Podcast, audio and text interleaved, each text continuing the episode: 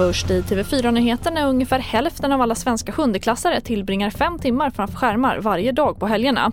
Och en ny studie från Gymnastik och idrottshögskolan i Stockholm visar att de som har mer skärmtid har sämre fysisk hälsa.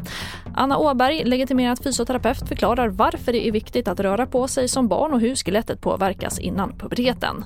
Vi behöver den där, när man är barn och ungdom, det är då vi har möjlighet att just få den här eh, liksom, kraftiga skelettet. Både vad gäller själva skelettstrukturen och benmassan. Och den, den bästa effekten är förpubertet och den tidiga puberteten. Det är där vi förlägger det. Sen kan vi inte göra så jättemycket åt vårt skelett efter det. Och ett längre inslag kan du se på tv4.se. Och idag blev Knutbypastorn Helge Iversen, tidigare Fossmo, villkorligt frigiven. Helge Iversen dömdes ju till livstidsfängelse för anstiftan till mord och anstiftan till mordförsök efter det så kallade Knutbydramat 2004.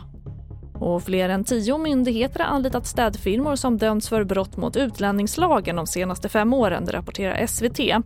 Men Skatteverket menar att det kan vara svårt att kontrollera företag för att det idag saknas ett enkelt system för att kontrollera bolag som ska upphandlas offentligt. TV4-nyheterna, jag heter Charlotte Hemgren.